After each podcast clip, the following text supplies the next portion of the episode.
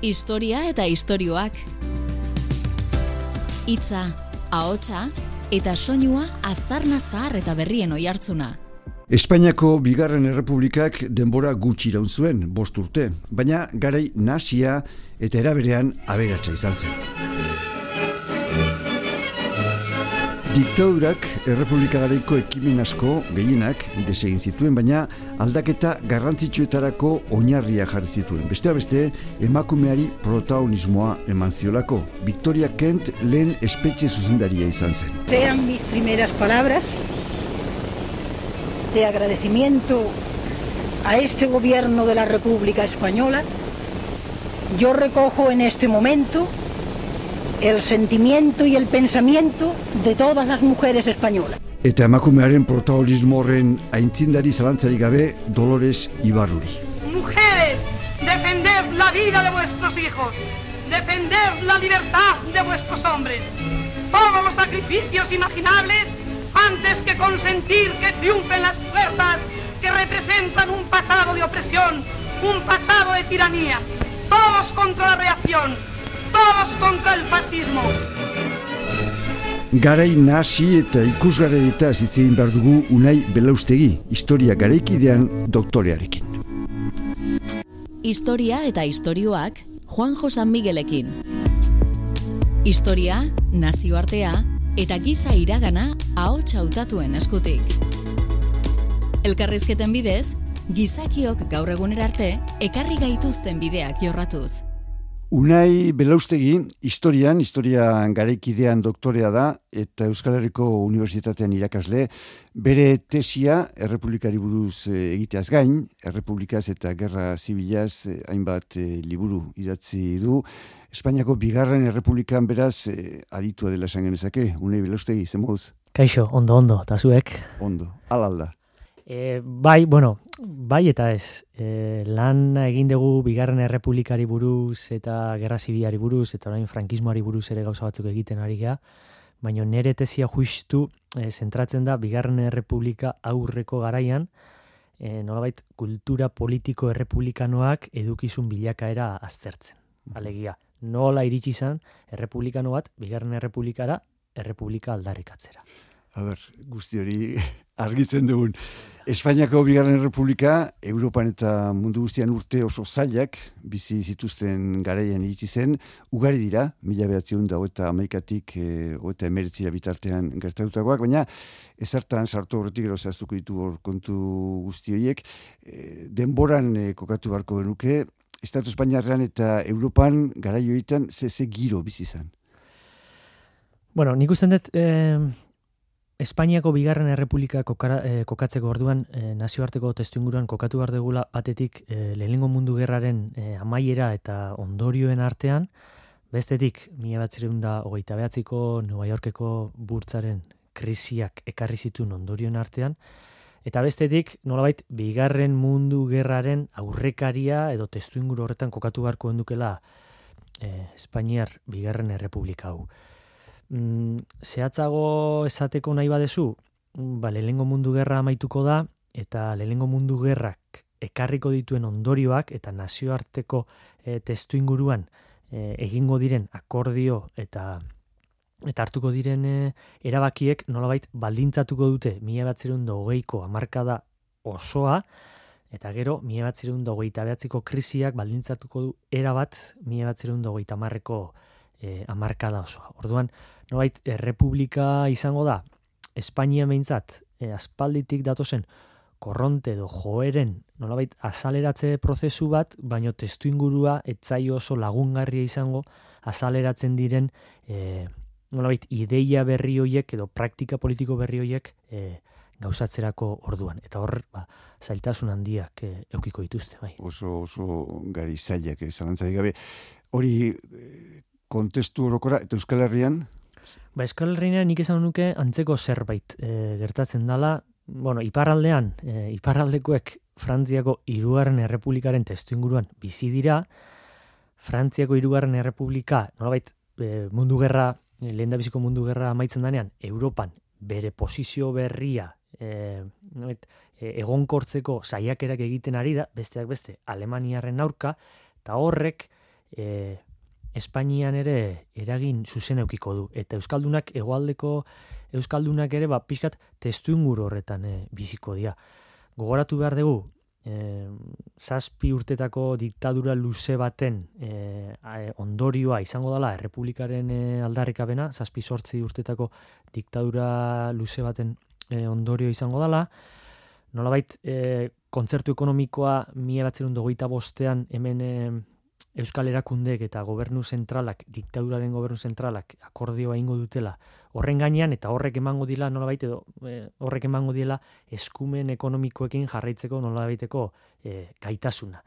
Gertatzen da gero krisiak, oita krisiak ere zuzendean eragingo diela erakunde hauei estatu mailan estatuari eragingo dion bezala, hemen lurralde historiko bakoitzak, ba, bueno, nolait bere kabuz aurre egin beharko dio testunguru horri. Eta horrek asko komplikatuko du baita ere indarren arteko eh, harremanak. eta amaitzeko, bueno, amaitzeko edo borobiltzeko gogoeta labur hau esango nuke baita ere e, garai honetan nolabaiteko e, apurketa baten hasiera edo ematen dala. Alegia, aspalditik datozen joera, ideia, politiko, sozial eta ekonomikoak, nolabait, hemen beste aurpegi bat edo beste modu bat bilatzen dutela hori guztia azaleratzeko. Estatuan gertatzen dena da, ba, gero diktadurak prozesu hori nolabait moztu egiten duela, baino nazioarteko testu inguru ikusten badegu, bigarren mundu gerra ostean, ja da mendearen hasieratik nolabait datozen joera hoiek noit gauzatu eta asaleratzen jongo dira poliki poliki. Lerketa ondienak hor gertatzen dira. Esan duzun bezala, e, Republika mila batzion dugu eta maikan e, aldarrikatzen da, aurretik Primo de Riberan zazpurteko diktadura dugu, emeretzi garren mendea Espainian bakigu nolako izan zen, esan genezake, hau dela, estatuak izan duen lehen gobernu demokratikoa? bai edo ez erantzun beharko banu, esan nuke, bai, noski baietz. E, claro, hor, e, ez da baiatu beharko duke zer ditzen digun demokrazia bat. Bai, eta zer dan demokrazia bat. Mm -hmm. Eta nik uste gaur egunean ere oso gehiago egin beharko duken gogoeta bat dala. Adibide erras eta argiena jartzeko. E, errepublika, e, oita maikako apirilean, errepublika aldarrikatzen danean, erregea, bueno, erregea juningo da, eta hemen er, estatuan e, errepublika aldarrikatuko dute. Udala hauteskundeak ospatuko dira, hauteskunde orokorrak konstituzioa e, idazteko e, e, kongresua, e, kongresura jungo dian ordezkariak aukeratuko dituzte, eta hauteskunde hoietan emakumeek ez dute parterik hartuko. Mhm. Aukeratuak izango dira, baino ezingo dute aukeratu. Ordun, errepublika aldarrikatzen da, baino demagun oraindikan lorpen batzuk ba, etortzeko daudela edo etorriko diala egia da baita ere, errepublika berak iriki zuela eztabaida bat, eta lehen aipatzen duen bezala, eztabaida bat, gai hauetai, gai hauei buruz ere, hitz egiteko, eta gauzatzeko, azkenean, makumeek eurek ere, boto eskubidea lortuko dute. Mm. Demokrazia zalantzari gabe, eh, demokrazia esaten denean gaur egun, ba, piskat, orain ezagutzen dugun hau da, ez da? Oda, ba, gutxi berako giro, eh, ongizate izarte bat, botatzeko eskubidea, eta bar. Baina, klar, guk demokrazia ipatzen dugunean, ezin dugu pentsatu gaur egungo demokrazia zari, edo egoera zari gerenik. Zazken finean, oso garai nasiak, indarkeri hundia zeon, ez da kaleak eh, gori-gorian zeuden. Bai, bueno, nik usten dut e, indarkeria bai, hori adiraz e, garria da, baina nik usten dut e, tentzioa dala, igual, e, hobeto adirazten duen e, terminoetako bat, alegia, aldaketa badago. E, historian, ba, urte askotan zehar bilakaera bat eman da, estatuan, eta gero, hori frantzian ere ikusiko da, baina beste garai batzuetan, bilakaera bat emango da historian, eta bapatean, oso denbora gutxian, nolbait, bilakaera hori eten egingo da edo bilakera horrek beste forma bat hartuko durun. Aldaketa horren aurrean, normala da bezala eta aldaketa guztietan gertatzen da bezala, tentzioak sortzen dira. Eta tentzio horrek besteak beste politikan eta eta gizartean e, agertuko dira. Eta, bueno, egin batean, e, historian normala da tentzioiek e, ala izatea. Eta, egia da baita ere, Euskal Herrian bertan, baina, bueno, agian ez hainbeste, baina estatuan, tentzio momentu handiak egongo diala, e, momentu gatazkatzuak bizango diala, eta nazioartean bera, e, nazioartean bertan ere, nolabait, tentzioiek oso azalekoak izango diala. Bai, estatu ezberdinen artean, eta baita ere, estatuen nolabait barneko e, egoeran ere balen Frantzia ipatu dugu eta Frantziako e, irugarren e, errepublikak izugarrizko zailtasun ditu garai honetan aurrera ateatzeko edo Alemania e, Weimarren errepublika askotan aipatzen den horretan ere izugarrizko arazo eukiko dituzte nolabait e, egonkortasun minimo bat e, lortzeko eta hemen estatuan ere ba, ba berdintxu gertatuko da bai. Mila behatzen dago eta amaseian, eh, estatu kolpea izan arte, bueno, bost urteko iraupen izan zuen errepublikak, zaken ezake, bi gobernu eskertiario progresista, o bi urteko gobernu eskertiario progresista egon zela, bi urte egon zela eskubia, eskubiko koalizioa, eta hirugarrenean eskerrak erabazizuena etorri zan e, estatu kolpea. Nolakoa zan jarduera politiko urte ditan? Hombre, eh, erresa ez, dirudienez, gozo erresa ez, eh, Egia da, e, posizioak gero eta polarizatuagoak zeudela, eta orduan akordiorako ba, zailtasunak erakusten dituzte, gai garrantzitsu batzutan behintzat, e, ba, korronte politiko eta eta soziales berdinek, ez?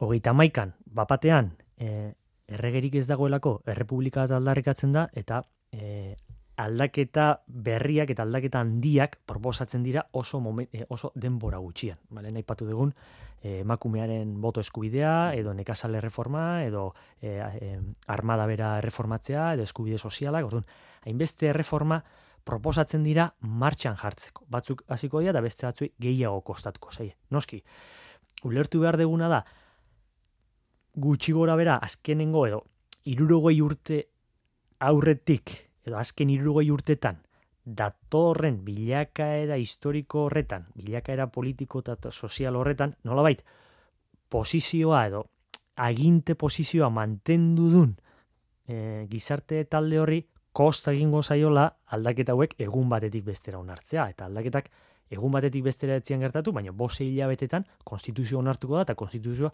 oso progresista izango da gara horretarako. Orduan, mm eskerra eta eskuina bueno, nik enituzko la definituko, baina progresismoaren eta bai, bai, hori da, hori da. bai.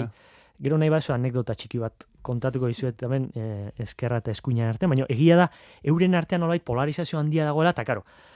Proposatzen dianean aldaketa guzti horiek horrek ba, kosta egingo da hori gizartean nolabait e, barneratzen eta eta eta nolabait normalizatzen eta horrek erreakzio ekarriko du aldi berean ba ordura arte nolabait posizio konservadoreago baten mantendu izan dianak. Nolatan bapatean emakumeak boskatzen hasiko dian edo bueno, edo Victoria Kentek ez dien eman nahi, ez Hori da, orduan, euren artean ere egongo dira posizio ezberdinak botoa eman edo ez, edo ea momentu hori egokia dan edo ez, botoa e, bera emateko. Mm.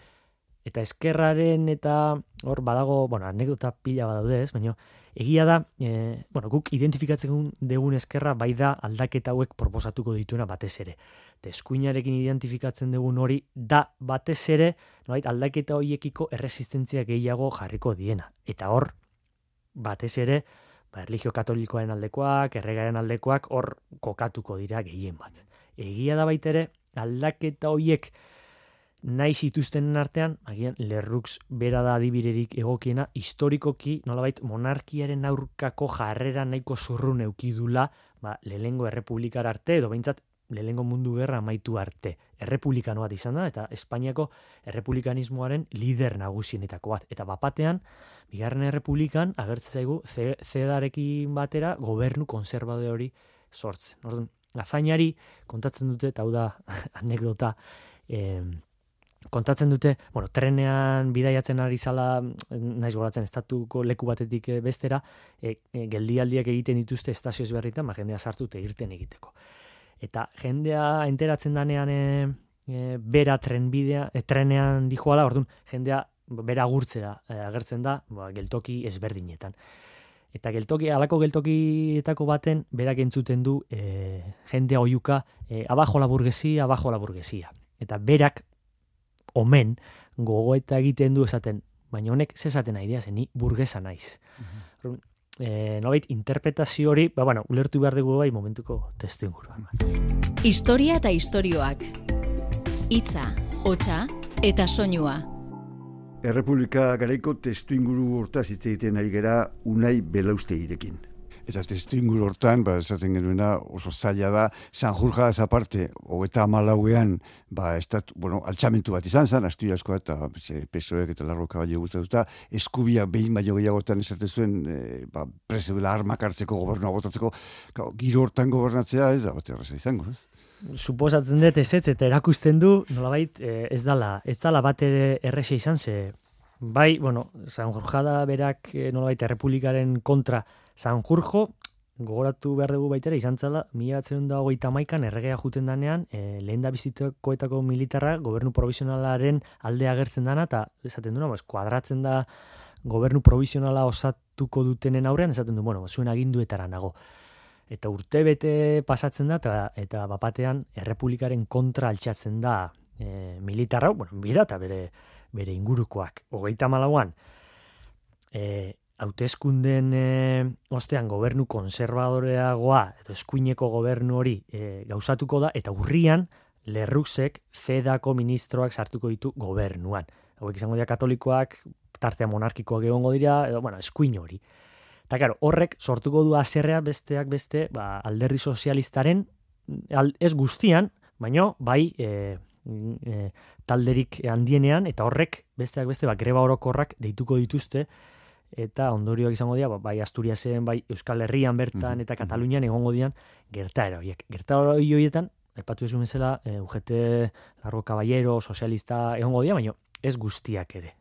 Bai, baino, nolait, e, zuzendaritza konfederalak, bueno, e, posizio batera guztiko du. Beti zatik eta hori zoe barruan beti. Hori da, hori da. Hor da, eskerraren, edo, bueno, progresismo honen, ba, ba nola baiteko, e, ez da bai da, zemateraino ba, defendatuko dugun, edo zemateraino eramango ditugun aurrera aldaketa, hoek poliki, polikiago edo edo, edo azkarrago. Eta Euskal Herrian bertan, ba, izugarrezko gatazkak egon zian. E, hor, bueno, jo zutxeka historialariaren, eta txorta elkarteak atera zuten dula gutxi liburu bat, hori kontatzen duna, horre, ba, gatazkak Asturiasen iraultza gorri hori egiten ari zian bitartean, nola Euskal Herrian gatazkak zabalduko dian, da hemen Gipuzkoan Deba, Arroa, Eibar eta mm-hmm. Arrasaten, ba, izugarrizko e, Arrasate udaletxea hartuko dute, eta eta herria egun batez edo herria kontrolatuko dute e, e, langileek edo bintzat protestan e, dabiltzanak, eibarren eba, gatazkak egongo dira, hildakoak egongo dira, atxilotuak egongo dira, epaituak izango dira pila bat, eta horrek ondorioak ekarriko ditu, ba, aipatzen genuen gizartearen nolabait tentzio e, sakontze horretan, bai.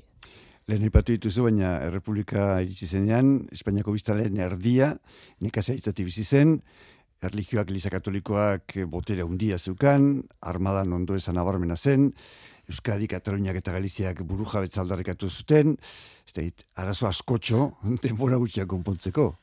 Asko, arazo asko eta frente askotatik e, datozenak. E, bai, egia da, e, orain gizartearen, bai, erdia bueltan, ego euskal ere bintzat, e, lehengo sektorera e, bideratzen zala, nekazaritza, abeltzaintza eta garrantzat ere hor zeuden bai, eta egia da baitera ipatu desuna, nik uste dut erligio katolikoa, edo Elisa behintzat e, kristau katolikoa, e, gertaera hauek ulertzeko faktore importanteetako bat dala. Nolabait, bere posizio arriskuen ikusiko dun e, e, instituzio importante izango da, eta horren aurrean, e, Elisak berak ere, nolabait, edo erreakzionatu egingo du, edo eragingo du beste sektore batzuetan, tartean, militarren artean, nolabait, aldaketa guzti horiek galarazteko, eteteko edo edo atzera buelta e, buelta emateko. Eta, bueno, nolabait, faktore edo protagonista importante izango da baitere, pues, gatazka e, guzti hauetan. Bai.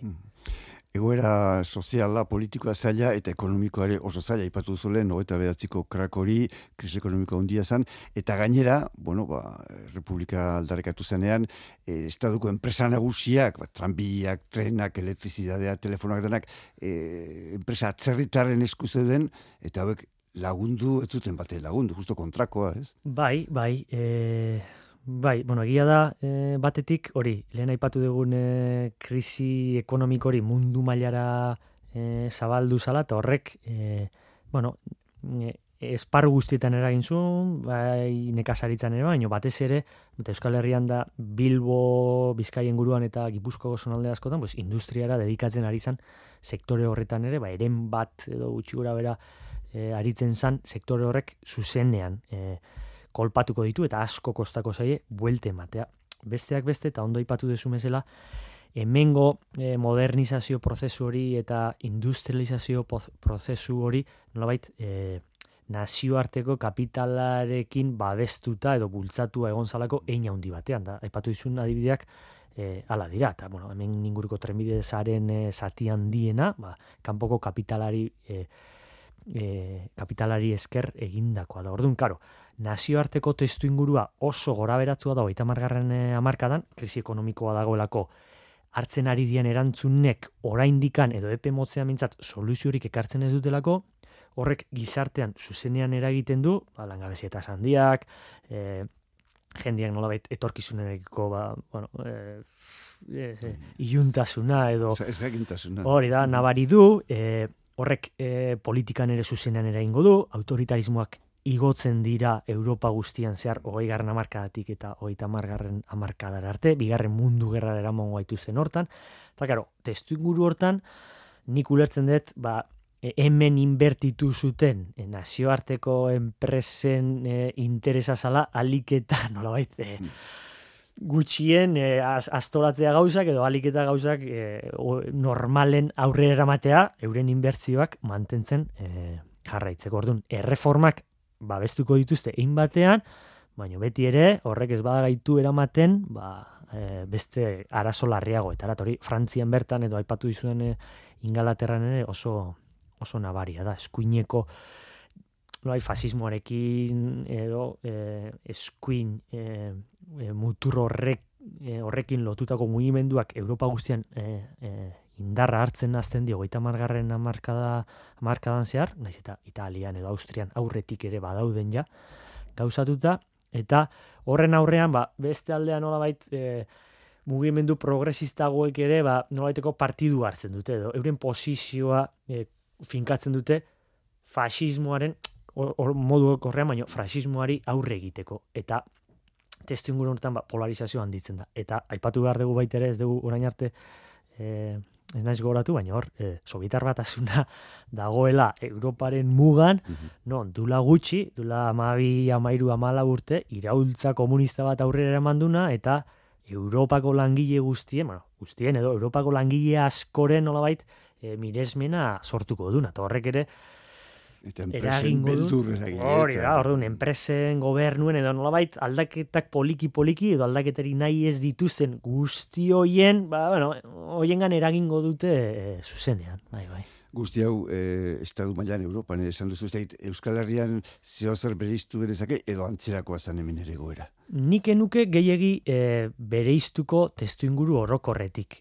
Posizionamenduak e, agertzen dira, egia da igual, e, agian, Bueno, batetik, erligio katolikoaren eragina ikaragarria da, bigarren errepublika guztian zehar, eta ba, autonomia estatutuak edo saiakerak bintzat horren e, adibideri da. E, aldarrikapen edo alderdi politiko nagusienak bigarren errepublika garaian e, ego euskal herrian behintzat konservadoreak izango dira, alderdi e, EAJ bera edo tradizionalistak Nafarroan e, ba, gehien gokiko dutenak bigarren errepublika garaian zehar. Orduan, alde hortatik, bai dala, e, testu inguru nolabait, konservadoreagoa, ba, Kataluniarekin konf, e, e, alderatzen badegu, edo, edo beste, estatuko beste leku batzuekin alderatzen badegu. Eta hor, erregio katolikoaren eragin ere oso zuzena izan, e, oso, e, bai, oso eragin zuzen eukiko du.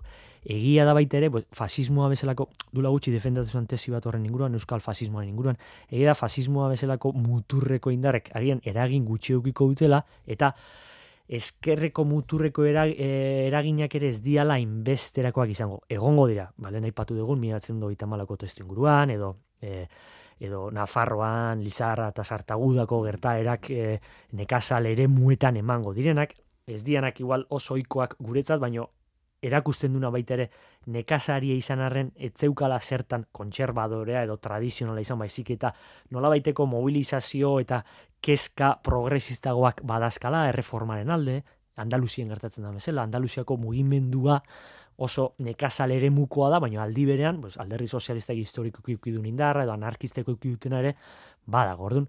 Euskal Herrian ikusten dut, ulertu behar degula testu inguru horretan, ero, berezitasun, bueno, ba, berezitasun ekonomikoa dakalako, edo autonomiaren atzetik dabilako, edo, bueno, gizarte kontserbadoreagoa izan daitekelako, ba, beste batzuekin konbaratuta. Historia eta istorioak. Aintzinakoak gogoratu eta gaurkotuz. Polarizazioa behin eta berriz aipatu duzu, agian hemen estatutuaren inguruan sortu zen edo, edo lehartu zen urre batean polarizazio hori? Bueno, nik uste dut azaleratu egingo da, edo hori izango dela beste aitzakia bat polarizazio hori markatzeko. E, errepublika aldarrikatzen danean, hemen, joera politiko bakoitzak, bueno, bere aldarrikapenak egingo ditu, eta hemen e, EAJ, ba, katalanek e, maziak eta e, konpainsek egingo duten bezala, ba, hemen, e, agirre lehendakari izango denak, e, gehitxon bertan, Euskal Errepublika e, e, aldarrikatuko du.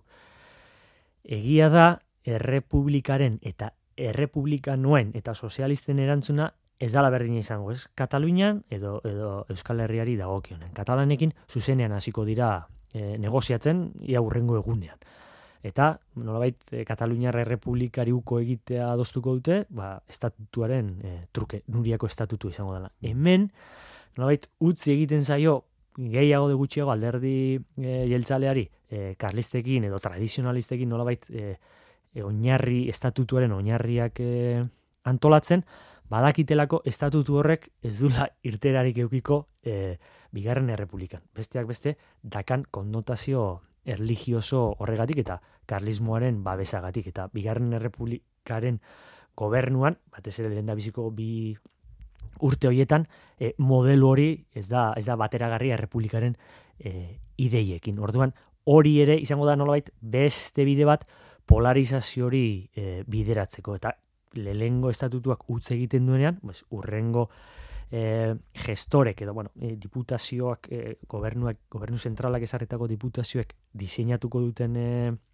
e, estatutuak nolait, bueno, lortuko du. Babes handiago aurrekoak baino karlistak kontragertuko dira tradizionalistak ere baino hor alderdi jeltzaleak nolait egingo du orain ba, ba, bere erdi bide hortatikan ba, estatutu berriaren e, alde egingo dute eta boskandiz onartuko da estatutua Euskal Herrian. Irue e, bi erenek baino gehiagok, baietz esango dute, gertatzen dena da gero gobernu zentralaren aldaketaren ondorioz, estatutu hori ez dela onartuko.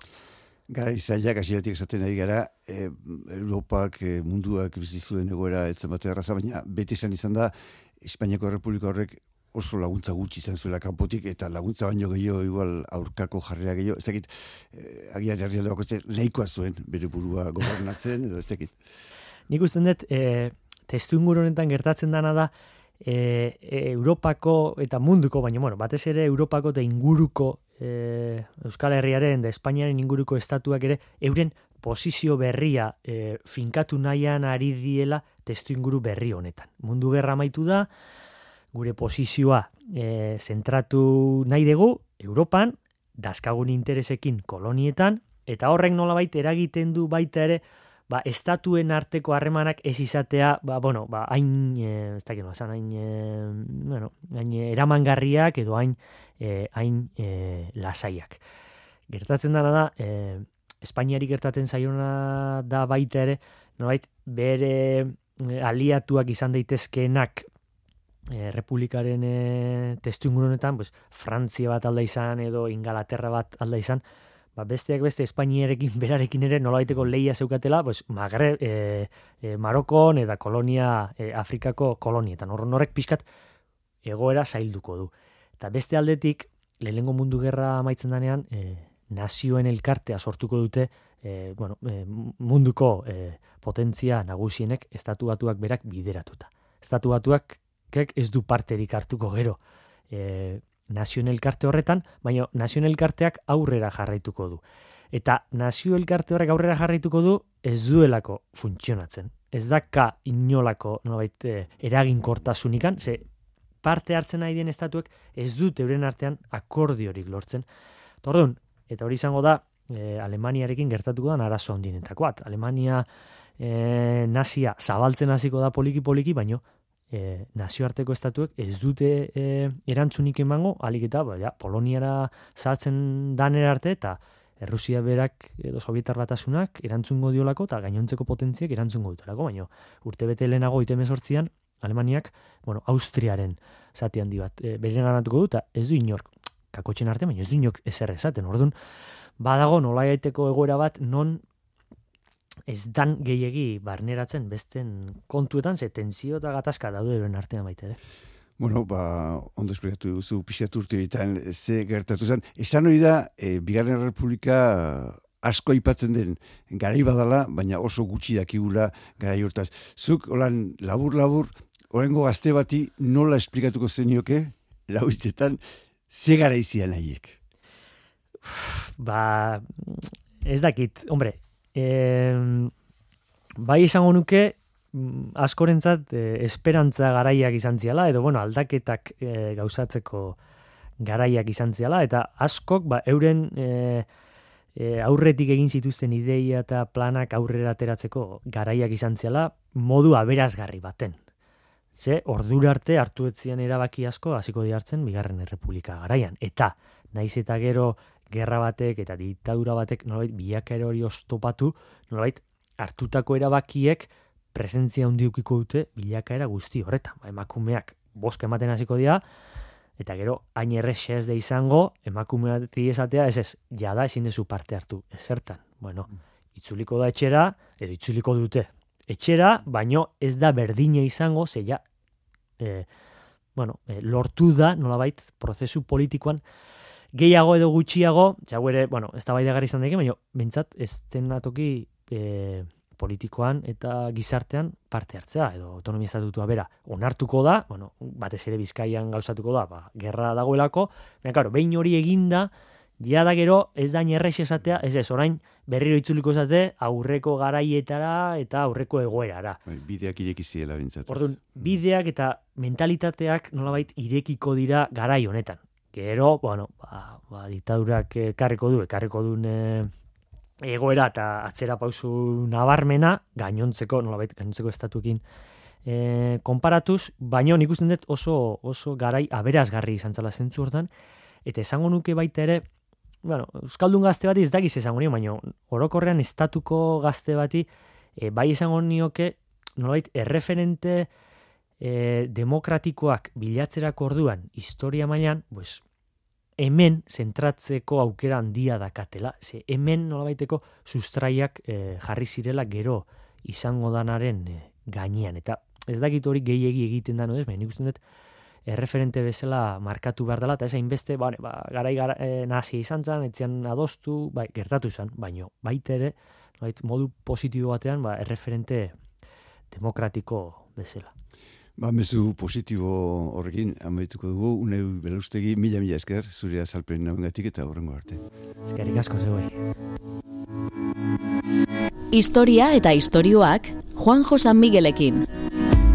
Historia, nazioartea eta giza iragana ahots hautatuen eskutik. Elkarrizketen bidez, gizakiok gaur egunera arte ekarri gaituzten bideak jorratzen.